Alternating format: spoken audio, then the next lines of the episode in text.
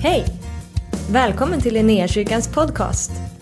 Vi hoppas att det här ordet ska uppmuntra dig, stärka dig i din tro och leda dig in i djupare relation med Jesus. Gud välsigne dig i ditt lyssnande. Ska vi ta upp en bibel? Jag ska läsa en bibeltext som du känner i. Om du har läst bibeln mycket och du gillar Paulus, en av de största författarna i skriften, Eh, så har du alla gånger läst det här. Eh, och jag tänkte att jag skulle ha det som, som, som backdrop till vad jag vill säga. I honom och genom tron på honom kan vi frimodigt och tryggt komma till Gud.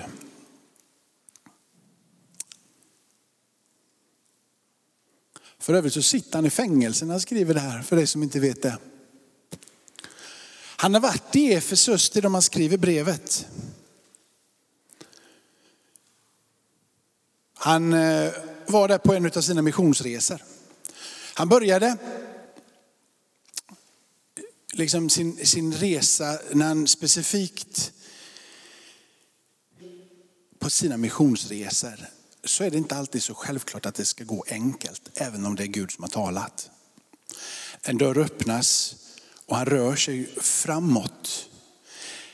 När han skriver det här så sitter han i fängelse och han har blivit lite till åren. Han har gått igenom en resa när han skriver det här. Han eh, har alltifrån blivit slagen och pinad och han har liksom fått utstå hån. Men det finns en specifik berättelse som jag kände andades ut när jag läste det här.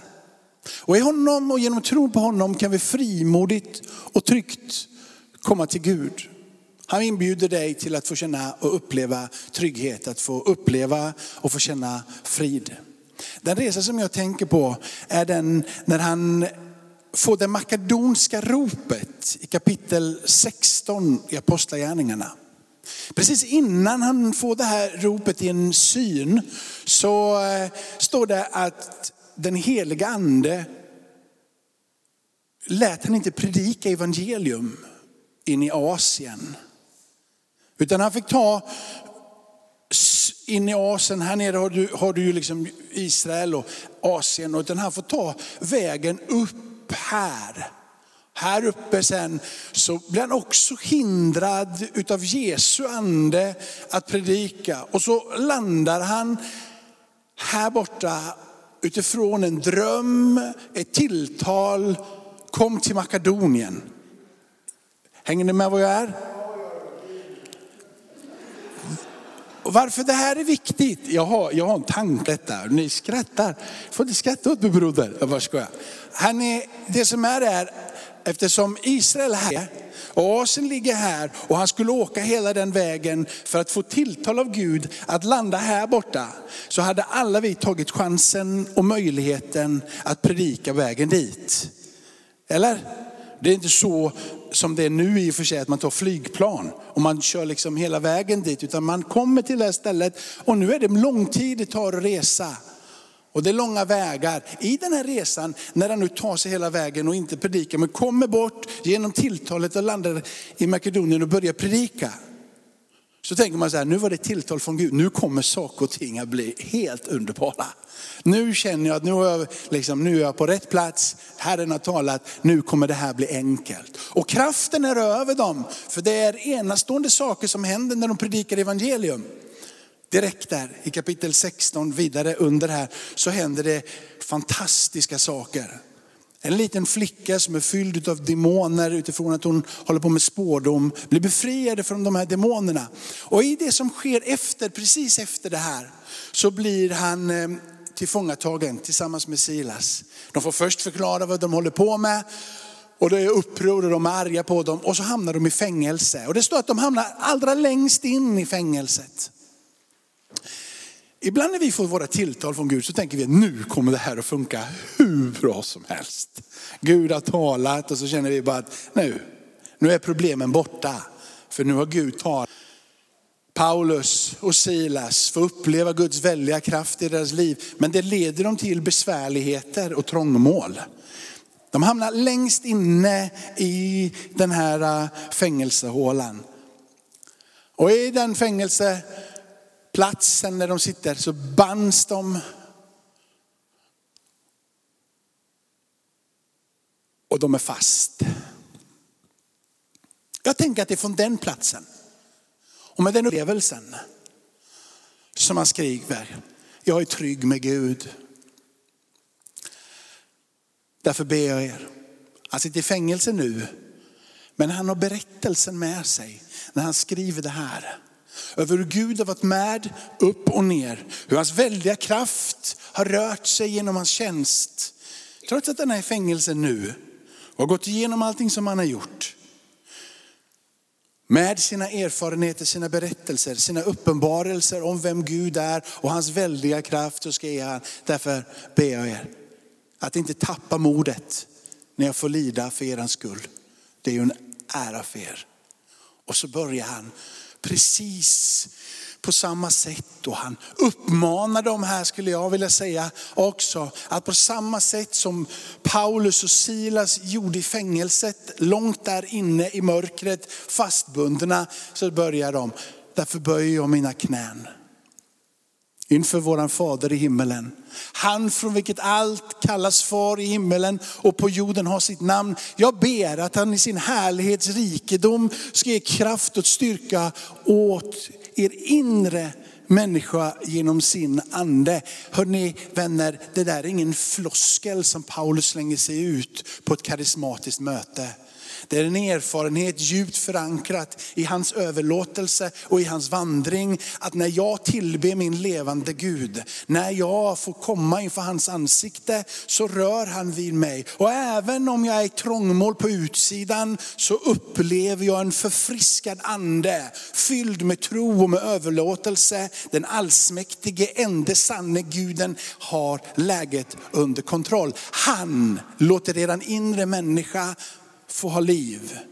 Att Kristus genom tro ska bo i era hjärtan.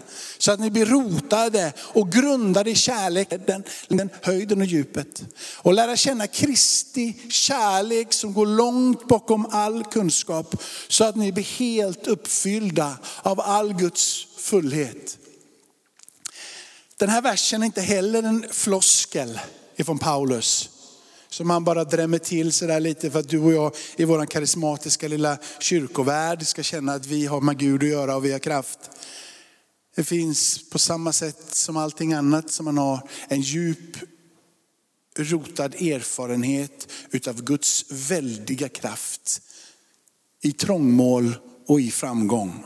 Han som kan göra långt mer än allt vi ber om eller tänker genom den kraft som verkar i oss. Hans är äran i församlingen och i Kristus Jesus genom alla generationer i evigheternas evighet. Han som förmår att göra långt mer. Mitt där i trångmålet i fängelsecellen så börjar de prisa Gud, står det. De börjar prisa Gud, något så väldigt. Den överlåtelse allra längst in i mörkret allra in längst in på den platsen som är mest obekväm, så hörs Paulus och Silas och deras bräckliga röster fyllda med frimodighet. De har inte tappat andan. Mitt där så får de anda.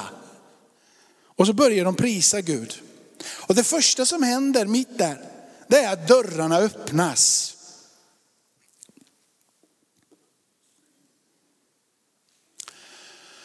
Och bojorna faller av.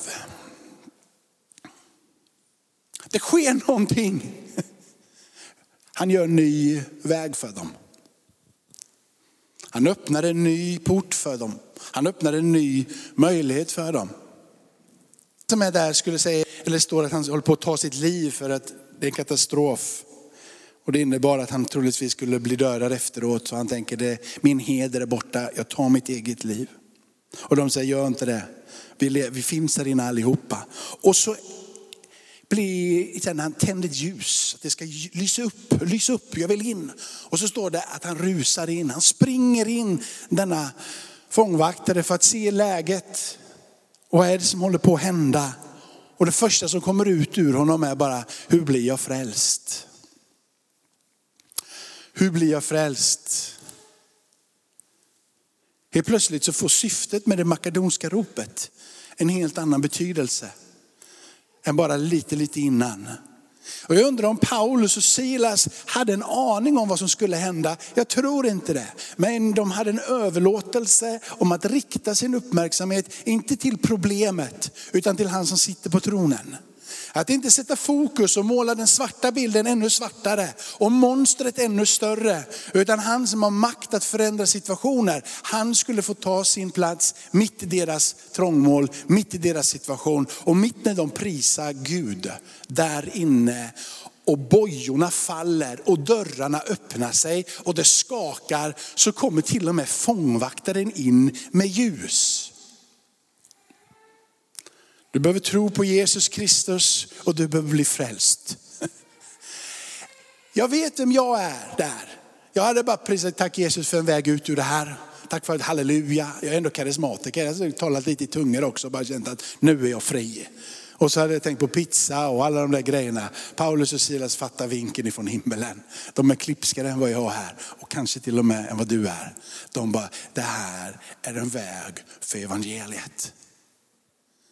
Och så står de där, inte med slutna ögon och tänker på, och bara tänker, hur kan vi medla världens viktigaste uppdrag mitt här i våran trånga situation. De har fortfarande sår efter slagen och de blöder och de är tillknyckta och jag kan tänka mig att de inte har käkat på ett tag och de alla är gånger törstiga.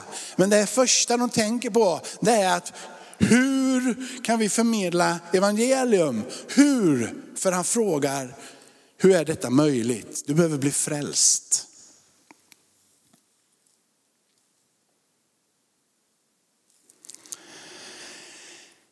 Och så börjar det hända. Lite av det som Jesus säger i bergspredikan. Gör er inga bekymmer för morgondagen. Utan sätt fokus på himmelen. Allt det andra det kommer följa. Bara, sätt, bara, bara ta ett fokus rätt så kommer saker och ting att hända.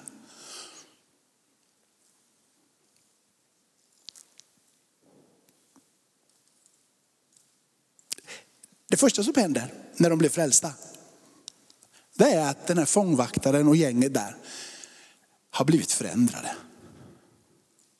De som innan slog tar nu fram vatten och börjar plåstra om dem och torka bort blod. Tvätta såren rena. Tänk ifall Paulus och Silas hade bara tänkt, var ligger nästa McDonalds? Ge mig vatten. Utan de bara säger, det är Jesus du behöver. Allt det andra kommer komma. Jag sätter min blick på himmelen. Här har du en tillämpning utav Jesu undervisning. Och en verklighet för Paulus och Silas. De sätter Gud först och så för de såren tvättade av han som har slagit. Gud har denna fångvaktare. Han är förändrad på djupet. Han tänker annorlunda. Han beter sig annorlunda. Han är annorlunda. Han har fått liv på insidan som gör att han inte längre tänker på vem jag är och hur jag ska ta hand om mig. Han bara ser det som är runt omkring honom och han är redo att möta behoven som finns. En de döps. Och än mer, de bjuds in till en måltid i huset. Familjen blir döpt och helt plötsligt så sitter de som bara några timmar tidigare har suttit med bojor längst inne i mörkret.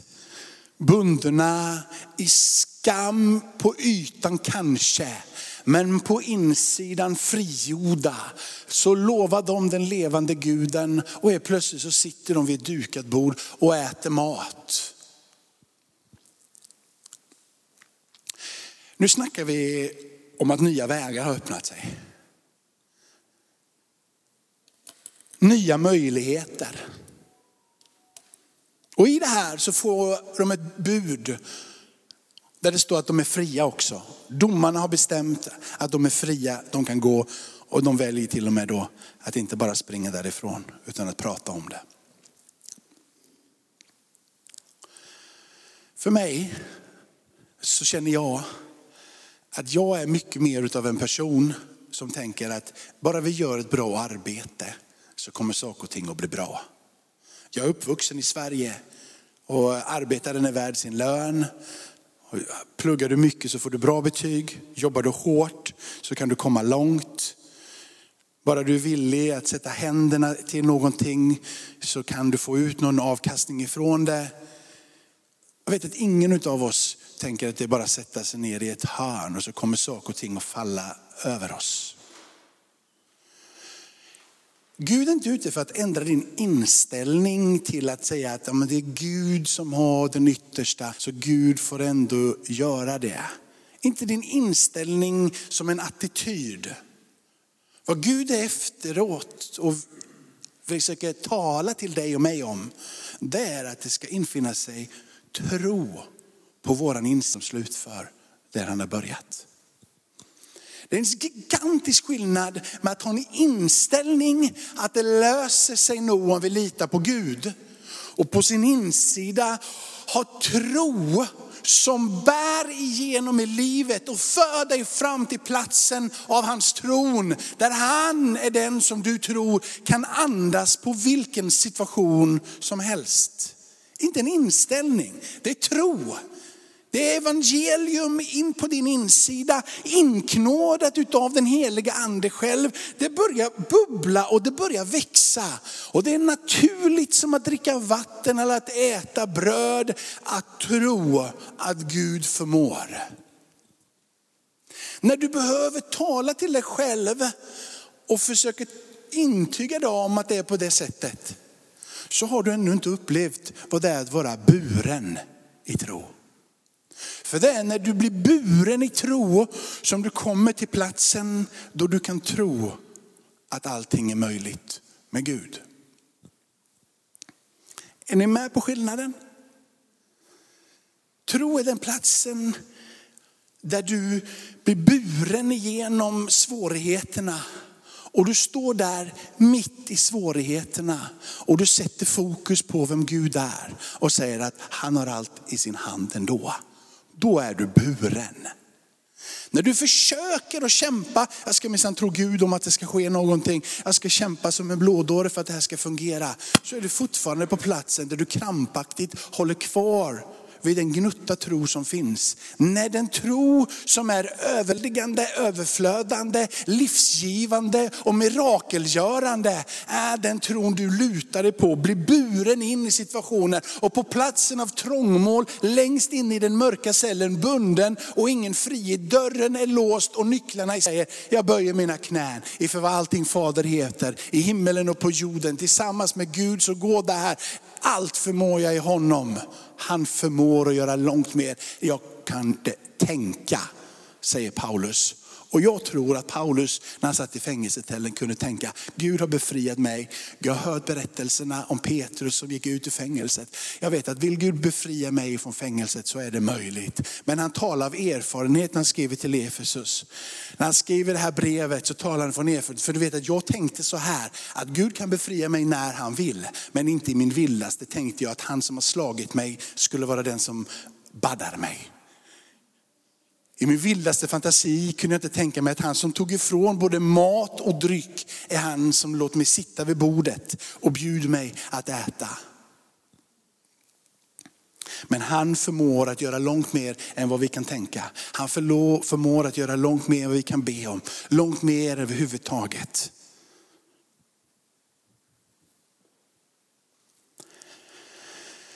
Tänk om han hade tagit den korta resan och inte den långa resan.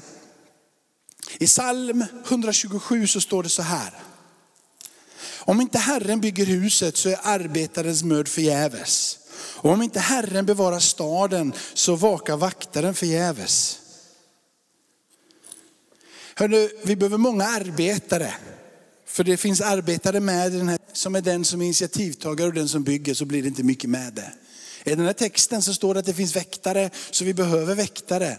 Vi kan inte sitta hemma och vänta, det behövs en väktare. Men om det inte är Herren som bevarar huset, så blir huset bevarat. Det här är ingen inställning till livet generellt eller inställning mot Gud. Det här är djupt förankrat i salmistens tro och övertygelse. Han vet att vi arbetar på Guds tilltal, men det är Gud som slutför bygget. Han vet att vi vaktar och ser till att ingenting kommer. Men om inte vi har Herrens beskydd över huset så kommer ingenting att bli varat. Det är mer än en inställning. Det är tro förankrat. Det är tro byggt. Det är tro givet. Från det här perspektivet så vill jag läsa en annan bön som finns i första krönikeboken kapitel 4, vers 10. Om du har din bibel så kan du, kan du få slå upp det. Det är lite komplicerat att hitta det, men om du är vid Moseböckerna och sen så har du liksom Josua, Samuelsböckerna, Konungaböckerna och Krönikeböckerna. Så det, liksom, det ligger där i början. Bara bläddra lite framåt. Första krönikebok kapitel 4, vers 10.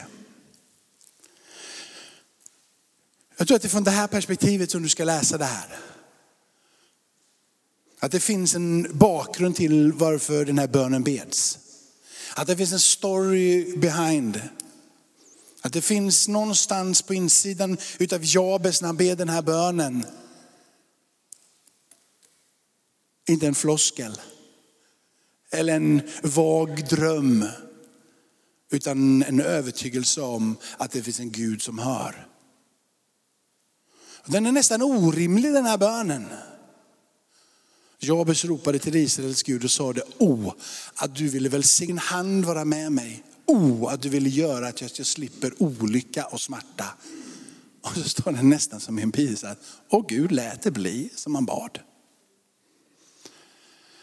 Och rycker man bort det här ifrån liksom berättelser, liv med Gud, så blir det här plastigt. Men om du kan sätta in det i till exempel som vi gjorde med Paulus här, eller kanske i din egen familj när ni har gått igenom svårigheter. Eller varför inte sätta in det här bönen i Jakobs liv i gamla testamentet. Jakob har en bror som heter Esau och de är tvillingar. De har en mamma som heter Rebecka och de har en pappa som heter Isak. Jakob är där med hela sin fina familj. Men du vet i den här familjen, Jakob och Esau, de är inte hela tiden kompatibla med varandra. Det är både det ena och det andra som händer. Och det, det mest ruttna i den här berättelsen är att Rebecka favoriserar Jakob före Esau. Båda två har kommit ut ur hennes sköte och borde älska dem lika mycket och ta hand om dem lika mycket. Men på något sätt så har Rebecka ett speciellt öga till Jakob. Jag kan tänka mig att det är lite konflikter och trauma. Och till slut så leder de här konflikterna i den här familjen när mamman lurar så mycket och får med sig Jakob på tåget så att välsignelserna läggs på Jakob istället för på Esau som det var brukligt eftersom han hade kommit ut först och var då förstfödd. Men genom lögn och intriger och mycket manipulation. Kapitel, första Mosebok runt kapitel 28 kan du läsa. I, det är manipulation, det är, det, det, det är riktigt rutten liksom, beteende som finns i den här texten. Mitt där i den här texten. Så går det så illa så Jakob får dra. Han får lämna sin familj, han får fly. Det funkar inte längre att vara, vara runt omkring dem. Jag drar. Rebecka och sänder på så sätt iväg Jakob för att leta en fru. När han är på väg bort så stannar han av och vilar huvudet på en sten och sover en liten stund. Och när han ligger där och sover så får han en dröm. Och i den här drömmen så ser han en stege. Och i den här drömmen sen så börjar Gud att tala. Och när han vaknar så säger han, jag hade ingen aning om att Gud bodde på den här platsen. Jag hade ingen aning om att man kunde möta Gud på det här sättet. Men någonting händer på hans insida som föder en frimodighet. Där han utifrån att ha hört vad Gud sa om honom, att det ska komma en välsignelse över dig, över de som finns runt omkring dig. Jag ska vara med dig, jag ska beskydda dig, jag ska vara på din sida. När han har hört de där viskande orden till sig i den här drömmen så är han övertygad om att Gud är med mig. Och han säger frimodigt när han vaknar, om det här som du säger, om det är sant och du är med mig, jag är med på det här. Jag är med på den resan. Han gick och la sig ensam, förtvivlad, på väg bort ifrån det som han visste och det som var känt. Det som var hans trygghet, det som var hans ekonomi, det som var hans liv. På resan bort därifrån, på grund av manipulation, intriger och allting annat som var skit, så får han i ensamhet möta Gud och vakna därifrån och säger, Gud, om det du säger om mig är sant, då vill jag vara med på den resan.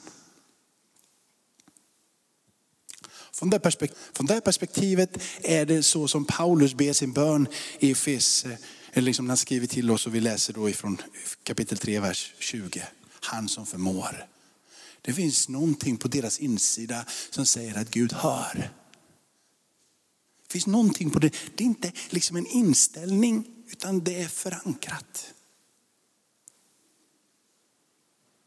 Tänk om Gud fick viska till dig idag, jag älskar dig. Tänk om du fick veta hur betydelsefull du är i Guds ögon. Att du är skapad av honom. Att innan ett ord är på dina läppar så vet han allting om det. Tänk för att du på din insida kunde få veta att jag är ett Guds barn. Jag tillhör honom. Jag kommer aldrig bli bortryckt. Tänk för att du på din insida kunde få känna att han har omsorg om dig. Att han vill ta hand om dig. Att han vill låta dig få uppleva nåd igen och igen. Tänk för att du fick bara känna, jag tillhör Gud. Jag är hans barn. Tänk för du på din insida den här stunden, precis så som Jakob vaknar upp ur en dröm och är bara förvissad om att Gud är med. Han försöker inte, det bara blir. Tänk ifall du kunde bara få öppna ditt hjärta i slutet av den här gudstjänsten och bara känna han är med mig. Han är på min sida. Det jag inte ens innan vågade be om, det vågar jag nu be om. Det som jag innan trodde var helt omöjligt, jag tror att det är möjligt. Och det som jag inte innan trodde kunde hända, det tror jag nu kan hända. För att han förmår att göra långt mer än vad jag kan genom en viss sjukdom. Eller att Gud är med dig genom den där svåra perioden. Eller Gud vill, är med dig det här och det här. Men helt plötsligt på din insida så börjar du tänka som Paulus. Jag tänkte att jag skulle bli befriad från fängelset. Men helt plötsligt så sitter jag vid ett bord av samma person som slog mig. Då jag tänker att det inte funkar att få försoning med nära och kära. Jag tänker att det var sista gången som du träffade dina barn, eller sista gången som du träffade dina föräldrar, sista gången som du överhuvudtaget kunde sitta vid samma bord som den här personen. Jag bara säger tillsammans med Gud, så är det möjligt. Det finns försoning. Du får bara uppleva på din insida att du är sedd av Gud, att han älskar dig och att han vill vara med dig. Amen. Tackar dig Fader i himmelen för nya vägar tillsammans med dig den här stunden på avslutningen av den här gudstjänsten. När vi ber för varandra nu Herre, så ber jag att vi skulle få, liksom få komma till den här platsen där vi frimodigt kommer inför din tron för att vi känner att du är med oss. Där det ropar på våran insida, Gud, tack för att du är med. Tack för att du står där vid min sida. Det väcks böner som får skaka himmelen den här stunden Herre. För att vi vet att vi är sedda och älskade utav dig själv.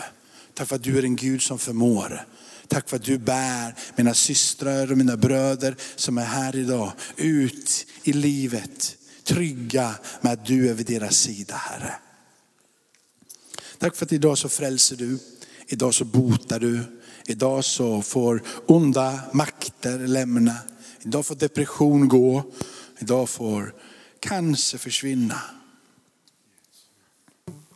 Idag så är du med den svage och idag reser du upp.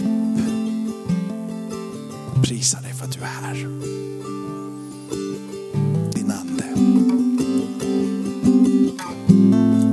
Ska du börja be där du är? Att Gud får möta med dig. Bara säger, lägg inte först ditt bekymmer hos Gud. Utan bara säg Gud möt med mig.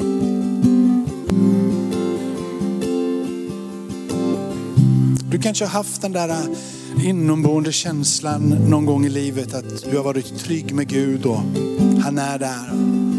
Kanske har du blivit rånad på den upplevelsen. Jag vill bara säga att Gud är här idag för att ta bort det där som du har blivit rånad på. Som har gjort att du inte har det där. Intima med Gud. Utan idag så är min bön att du ska säga som Paulus. Även om jag bryts ner på utsidan så är jag förnyad och stark på min insida. Du är älskad av Gud min vän. Du är sedd av Gud. Han vet hårstråna på ditt huvud. Han vet vad du heter, han kallar dig vid namn. Du är ingen främling för honom, du är hans barn. Genom munnens bekännelse och hjärtats tro så finns det frälsning och rättfärdiggörelse. Alla de blev igenkända som Guds barn genom att de trodde på Jesus.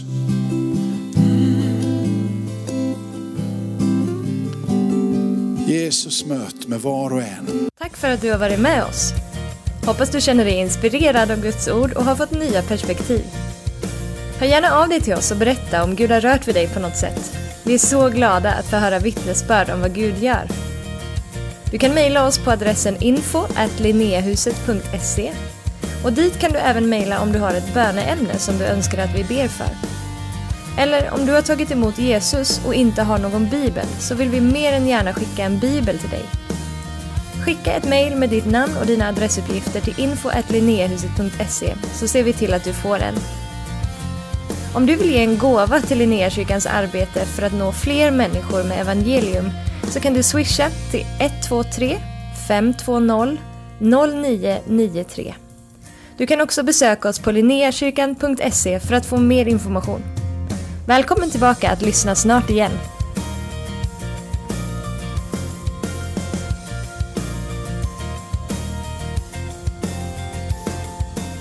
För att du har varit med oss.